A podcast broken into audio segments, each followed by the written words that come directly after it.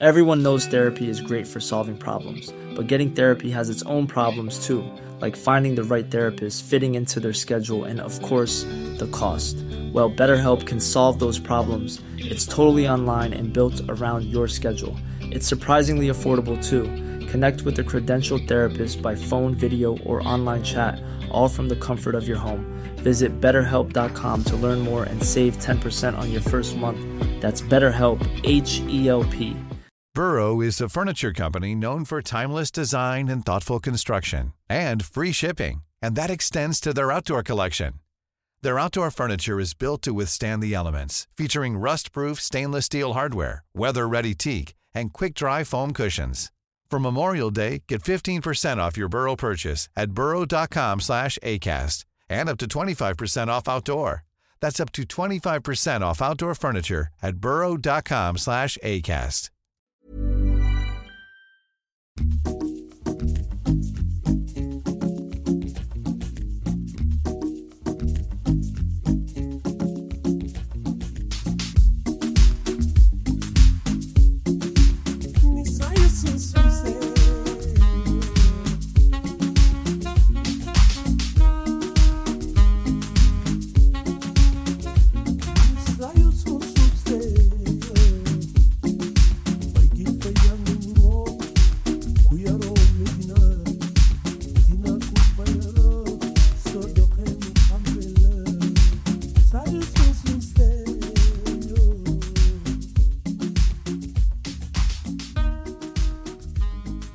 Välkomna till den andra säsongens första bonusavsnitt av Svart historia med mig, Amat Levin. Den här episoden får ni som tack för ert stöd på Patreon. I slutet av förra veckans huvudavsnitt om Kongorikets uppgång och fall pratade vi om slaget vid Mbuila år 1665. Tillfället då de kongolesiska och portugisiska arméerna drabbade samman.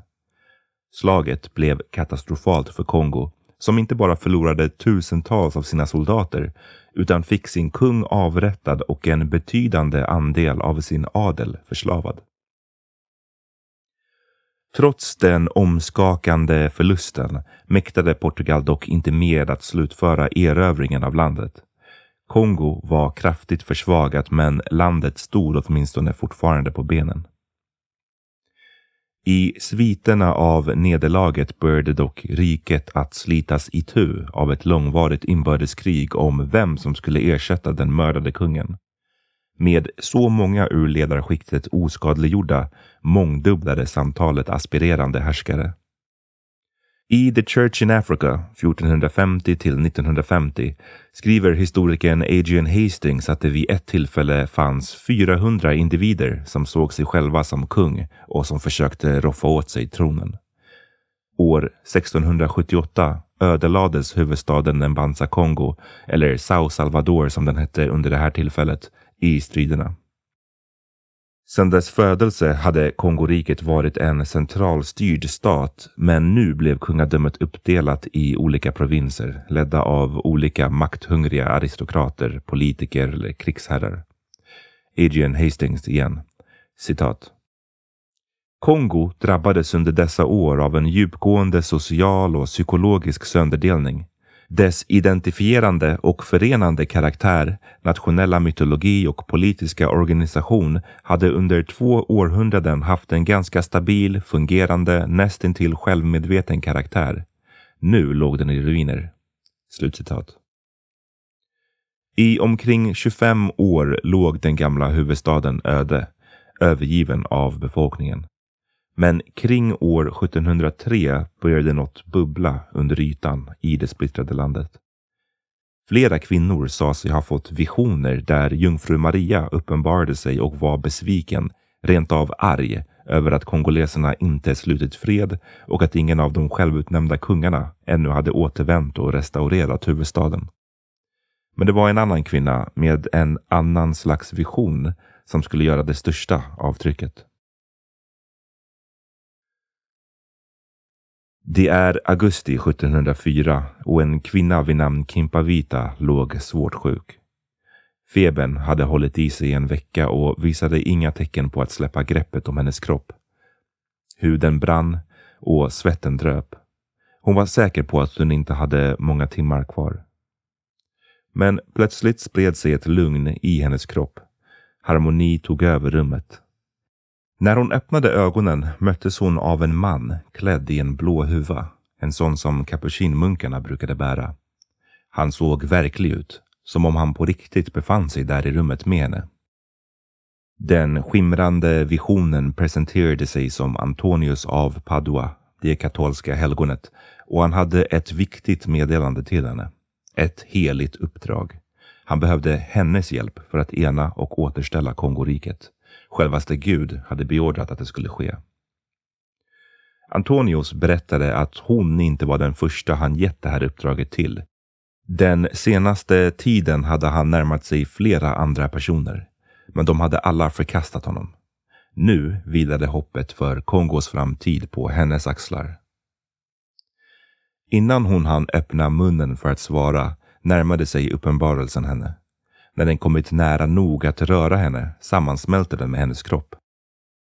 Hon kände sig genast friskare, som om Antonios närvaro förintade sjukdomen, gjorde henne frisk inifrån. Hon satte sig upp i sängen, kände efter. Verken i lederna var borta, smärtan i huvudet likaså. Och i hennes inre fanns något annat. En beslutsamhet, en vetskap om vad hon måste utföra. Kimpavita, ibland mer känd under sitt katolska namn Donna Beatrice, föddes 1684. Hon växte upp i en liten by i landets ostligaste delar. Precis intill låg berget Kibango, vilket betyder fortet på Kikongo, språket hon talade. Berget, vars topp ofta var omringat av moln, var en plats av religiös vikt, men byn som Kimpavita bodde i var av ingen särskild betydelse. Hon var en ung kvinna som tillhörde en inte speciellt framstående, men ändå adelig ett och bodde så som de ofta gjorde, i en byggnad bestående av flera trähus med tak av gräs som sammanlänkades med små gårdsplaner och murar. På väggarna inne i husen hängde mattor vävda i invecklade mönster som prydnad. Runt hela bosättningen fanns ett pålverk som skyddade mot inkräktare. Kimpa Vita föddes i ett Kongorike som hade luckrats upp som hade söndrats av de ständiga inbördeskrigen om tronen. Periodvis spillde kriget in i regionen hon bodde i och hennes far fick rida ut i strid flera gånger. På så sätt fick hon ända sedan barnsben en nära inblick i inte bara krigets förödelse utan de politiska intrigerna och kaotiskt skiftande allianserna. Vem som helst hade kunnat tappa tron på ledarskapet i en sån situation och det började gro en övertygelse hos Kimpavita om att någonting drastiskt behövde förändras. Under hennes tidiga tonår började Kimpavita få visioner. I en av dem fick hon sällskap av två vithyade barn som lekte med henne och gav henne gåvor. I The Congolese Saint Anthony, Donna Beatrice Kimpavita and the Antonian Movement skriver historikern John Thornton att det inte rörde sig om rasmässigt vita barn. Istället var de enkitas, alltså väsen från andevärlden. Och som ni kanske kommer ihåg från förra veckans huvudavsnitt fanns i Kongo en tanke om att dessa väsen hade vit eller blek hy. De återkommande visionerna gjorde att Kimpavita fick rykte om sig som en särskild eller utvald ung flicka och en person med en stark koppling till andevärlden. En sån person var respektingivande för andevärldens väsen ansågs kunna bringa lycka, men också otur och sjukdomar om de var missnöjda. Ju äldre hon blev, desto mer cementerades den här bilden av henne och under en period arbetade hon som ett slags medium, en så kallad Nganga Marinda, vars uppgift var att konsultera andevärlden för att lösa problem som uppstod i denna värld. Efter hennes sammanfogning med Antonius den där augustinatten 1704 var Kimpavita fylld med ny energi. Så fort hon klivit upp ur sängen berättade hon för sina släktingar om vad som hade hänt och vad hennes uppdrag nu gick ut på. Det var inte bara att hon talat med Antonius. Kimpavita påstod sig nu i själva verket vara Antonius. Han hade tagit över hennes kropp, som nu bara var ett verktyg för helgonet. Hon la sedan alla sina ägodelar bakom sig och gav sig iväg i riktning mot berget Kibango där en av landets många lokala krigsherrar styrde ifrån. Den här, kung Pedro, var en av rikets främsta. Det första hon gjorde när hon nådde kungens stad var att ta sig till det stora träkorset som var placerat på torget utanför kyrkan. Hon började knuffa och slita i det i ett försök att välta omkull det. Nästan direkt greps hon av de kungliga vakterna. I The Congolese Saint Anthony, Donna Beatrice Kimpavita and the Antonian Movement skriver historikern John Thornton så här. Citat. De tog henne till palatset där hennes predikan snabbt väckte uppmärksamhet och liksom Mafuta före henne bars hon inför kungen. Mafuta var en av de här andra kvinnorna som jag pratade om tidigare som sa sig ha fått liknande visioner men av jungfru Maria. Hon gick graciöst in i tronrummet och gick på tåspetsarna så att hon nästan verkade flyta. Hon log brett som om hon var fylld av stor glädje och gick en cirkel runt kungen. Slutcitat. Thornton skriver sedan att Kimpavita förmanade kung Pedro att omedelbart återta den övergivna huvudstaden och få stopp på krigen. Hon anklagade även fader Bernardo, en italiensk präst som var verksam i området, för att vara svartsjuk och mån om att det inte skulle finnas några svarta helgon i Kongo. Trots fader Bernardos ilska lät kung Pedro henne gå. Kanske såg han inte en ung kvinna i tidiga 20-årsåldern som ett riktigt hot. Kanske misstänkte han att hennes kropp verkligen hade tagits i besiktning av Sankt Antonius och i sånt fall behövde hon behandlas med vördnad. Frisläppt gav sig Kimpavita därefter ner i dalen nedanför berget och fortsatte sin predikan för invånarna i de olika byarna. Hon predikade bland annat att Antonius var det främsta helgonet och att de europeiska kapucinmunkarna i Kongo lärde ut en felaktig version av katolicismen. Istället hävdade hon att jungfru Maria hade varit en kongolesisk förslavad kvinna och att Jesus var född i Kongo, det verkliga Betlehem. Det var dessutom i Kongofloden han hade döpts. Hon ändrade även orden i kända katolska böner som Ave Maria och Salve Regina. Hennes följe växte för varje dag. Efter ett par veckors predikan återvände hon till staden uppe i bergen. Kung Pedro var fortfarande osäker på hur han skulle hantera henne. Fader Bernardo, upprörd över att kungen inte redan disciplinerat henne, ville träffa henne och utföra en slags intervju.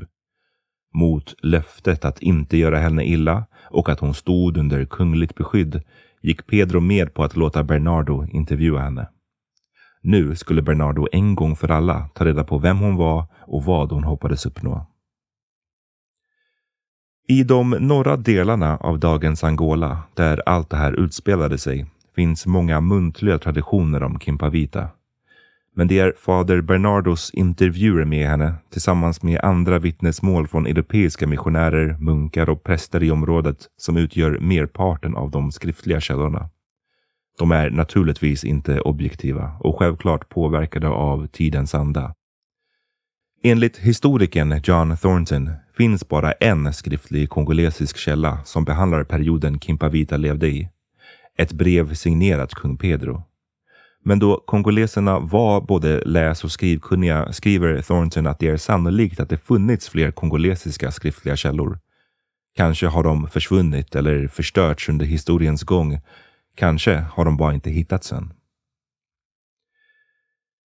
I The Congolese Saint Anthony Donna Beatrice Kimpavita and the Antonian Movement återger John Thornton delar av fader Bernardos intervju eller förhör med Kimpavita.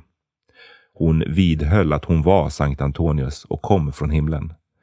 Den alltmer irriterade Bernardo ska då ha frågat henne, citat. Och vilka nyheter har du med dig därifrån? Säg mig, finns det i himlen svarta från Kongo? Och om de finns, har de fortfarande sin svarta hudfärg i himlen? Slutcitat.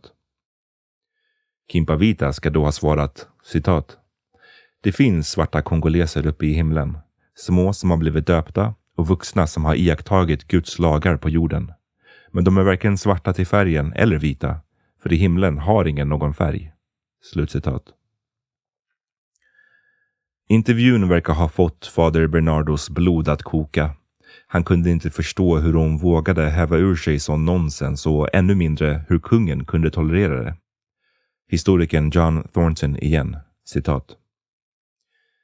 Efter intervjun bestämde fader Bernardo vad som skulle bli kyrkans officiella reaktion på Donna Beatrice och hennes undervisning.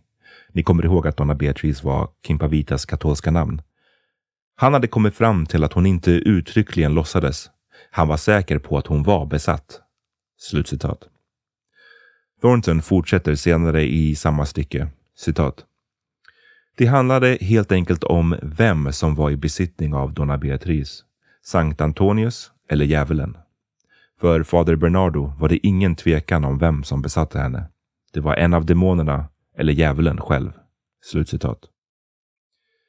Med kungen på sin sida hoppades Bernardo kunna baktala Kimpavita och hennes lära under den kommande gudstjänsten. Han bad till och med kungen att ta henne i förvar så att hon inte kunde fly. Men Kimpavita måste ha haft en känsla för åt vilket håll allt skulle bära, för hon lämnade stan och rörde sig den här gången nordöst till områden där hon ännu inte hade predikat. Under hennes färd fortsatte hennes följe att växa. Det sades att hon kunde göra de sjuka friska, bota infertilitet. Hon besökte en annan kung i området och försökte på liknande sätt som hon gjort vid berget Kimbango tidigare få honom att sluta fred och återvända till Sao Salvador. Han tillbakavisade henne. Men trots att aristokratin verkade vända henne ryggen fann hon ett allt större stöd hos vanliga människor. Lika trötta som henne på elitens krigande, käbblande och allmänna girighet. Till slut beslöt hon sig för att själv utföra uppdraget kungarna verkade vara för fega för. Hon började gå i riktning mot Sao Salvador hennes ständiga växande följe hack i häl. De kom fram hösten 1704 i oktober eller november. Därifrån skickade hon sändebud till flera kungar och adelsmän och bad dem att göra henne sällskap i staden. Ännu en gång ignorerades hennes uppmaningar. Men tusentals vanliga människor strömmade in i staden. John Thornton skriver att deras anledningar var flera. Vissa trodde genuint på hennes budskap eller hoppades åtminstone på att av rent strategiska skäl få en upphöjd plats i hennes rörelse. Citat. Andra hade hört berättelser om mirakel och ville bli botade eller göras fertila. Ytterligare andra ville träffa sina vänner och umgås eftersom restaureringen var ett festligt tillfälle. Men oavsett motiven kom de och snart myllrade staden av aktivitet som den inte hade gjort på nästan ett halvt sekel. Slutcitat. Kimpavitas religiösa rörelse kom att kallas antonianism och antalet medlemmar fortsatte att växa explosionsartat. Från ruinerna av den gamla katedralen i Sao Salvador smed Kimpavita sina planer på att ena Kongo. I många invånares ögon var hon landets verkliga ledare. Den som vågade försöka sig på det som de andra aspirerande kungarna var för småsinta för att lyckas med. Hon skickade regelbundet ut små grupper om missionärer, så kallade små Antonius, för att sprida hennes ord. Historikern John Thornton igen, citat. Det var en stor ära att få mat från hennes hand och till och med att äta smulorna som föll från hennes mun. När hon drack la hennes anhängare sina händer under koppen för att fånga eventuella droppar som föll, så att de kunde bli välsignade genom att dricka det. För att uppmuntra denna typ av hängivenhet lät Donna Beatrice ibland medvetet vatten eller palmvin falla i dessa utsträckta händer. Slutcitat.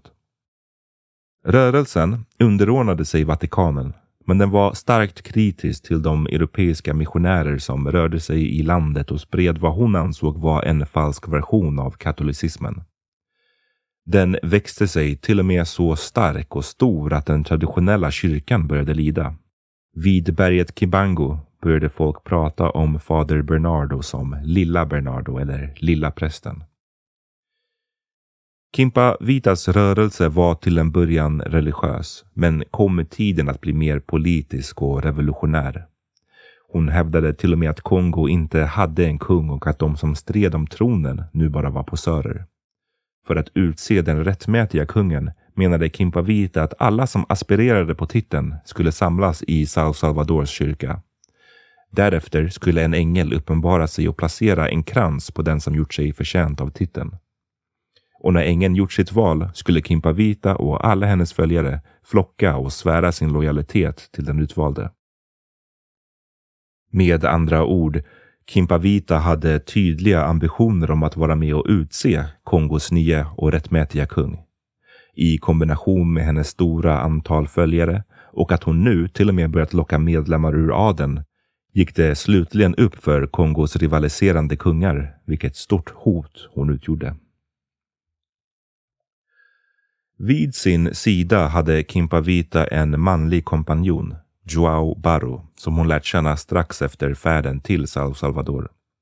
De två blev nära och Kimpavita gav snart Joao namnet Sankt John.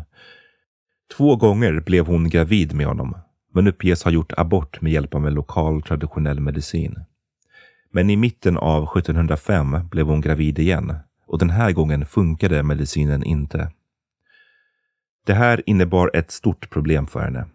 Dels för att hon propagerat för avhållsamhet, dels för att hon trots allt påstod att hon på riktigt var Sankt Antonius och då kunde hon knappast synas med en växande gravidmage.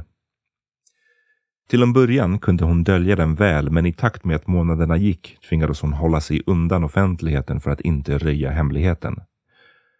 Sedan en tid tillbaka hade hon meddelat sina följare att hon varje fredag dog och varje måndag återuppstod. Under helgerna var hon i himlen och diskuterade Kongos framtid med Gud.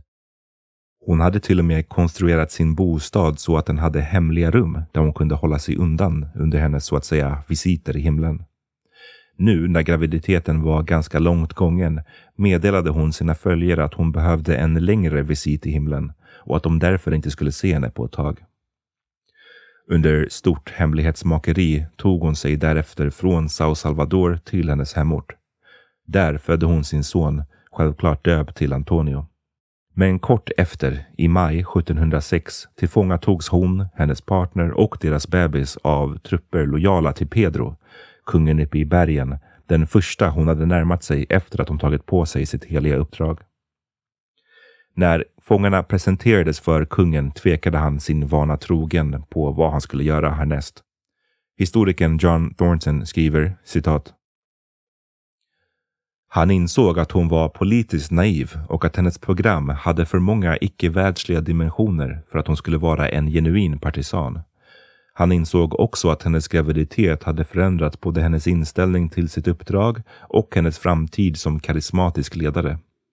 Han var säkerligen medveten om att hans egen hustru, Hippolyta, hade blivit hennes anhängare och att hon genom det hade en sympatisör i hans eget hov.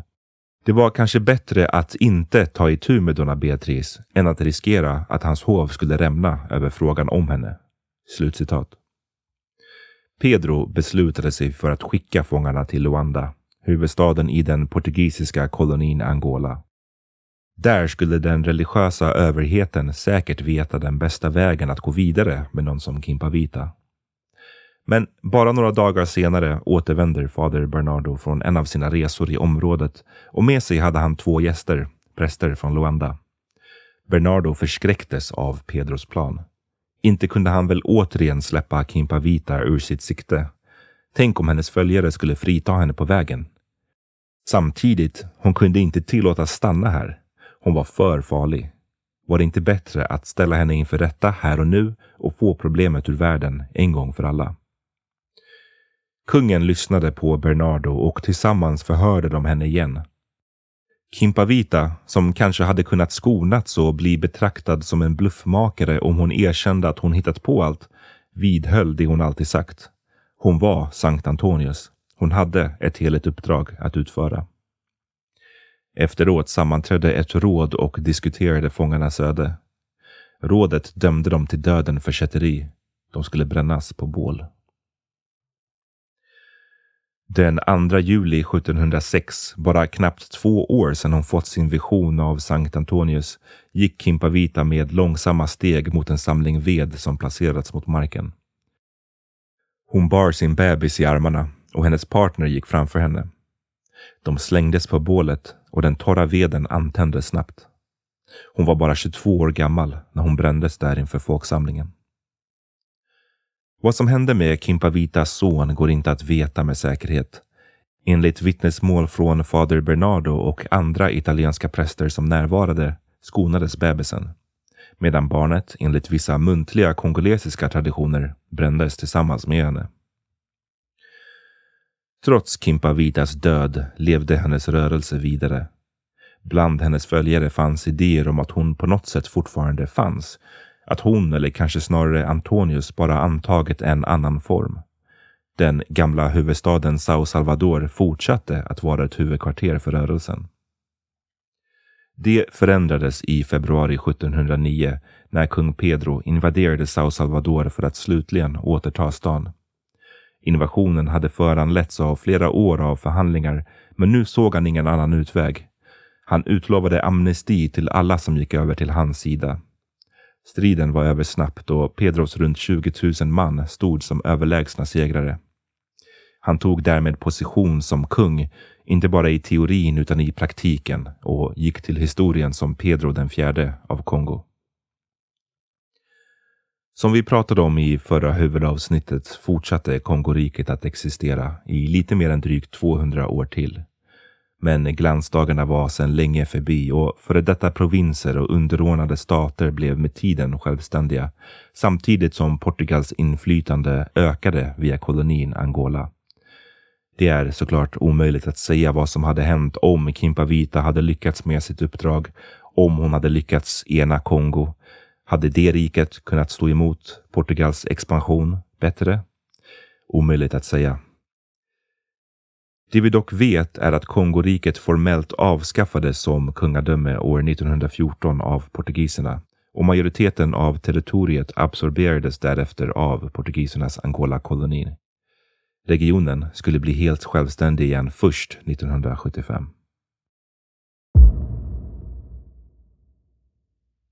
Tack för att ni har lyssnat på det här bonusavsnittet av Svart historia och ännu mer tack för att ni stöttar den här podden på Patreon. Ert stöd hjälper mig verkligen att fortsätta genomföra den. Det kommer att komma fler sådana här bonusavsnitt eh, under säsongens gång. Inte varje vecka, men jag har definitivt ett par på lager, så de kan ni se fram emot. Okej, okay?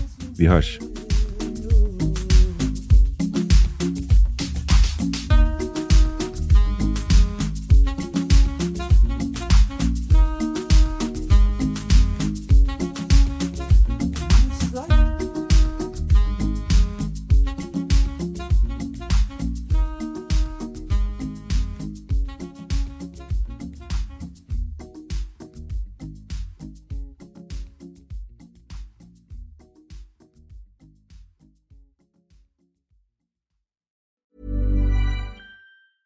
Hey, folks, I'm Mark Marin from the WTF Podcast, and this episode is brought to you by Kleenex Ultra Soft Tissues your ally to help tackle your allergy symptoms this season. I love the change of seasons, but nobody loves pollen and all those other things floating in the air that make you sneeze during this nice weather. Kleenex Ultra Soft tissues are hypoallergenic and allergist approved. So fight back against watery eyes and runny noses without worrying about irritating your skin. For this allergy season, grab Kleenex and face allergies head on.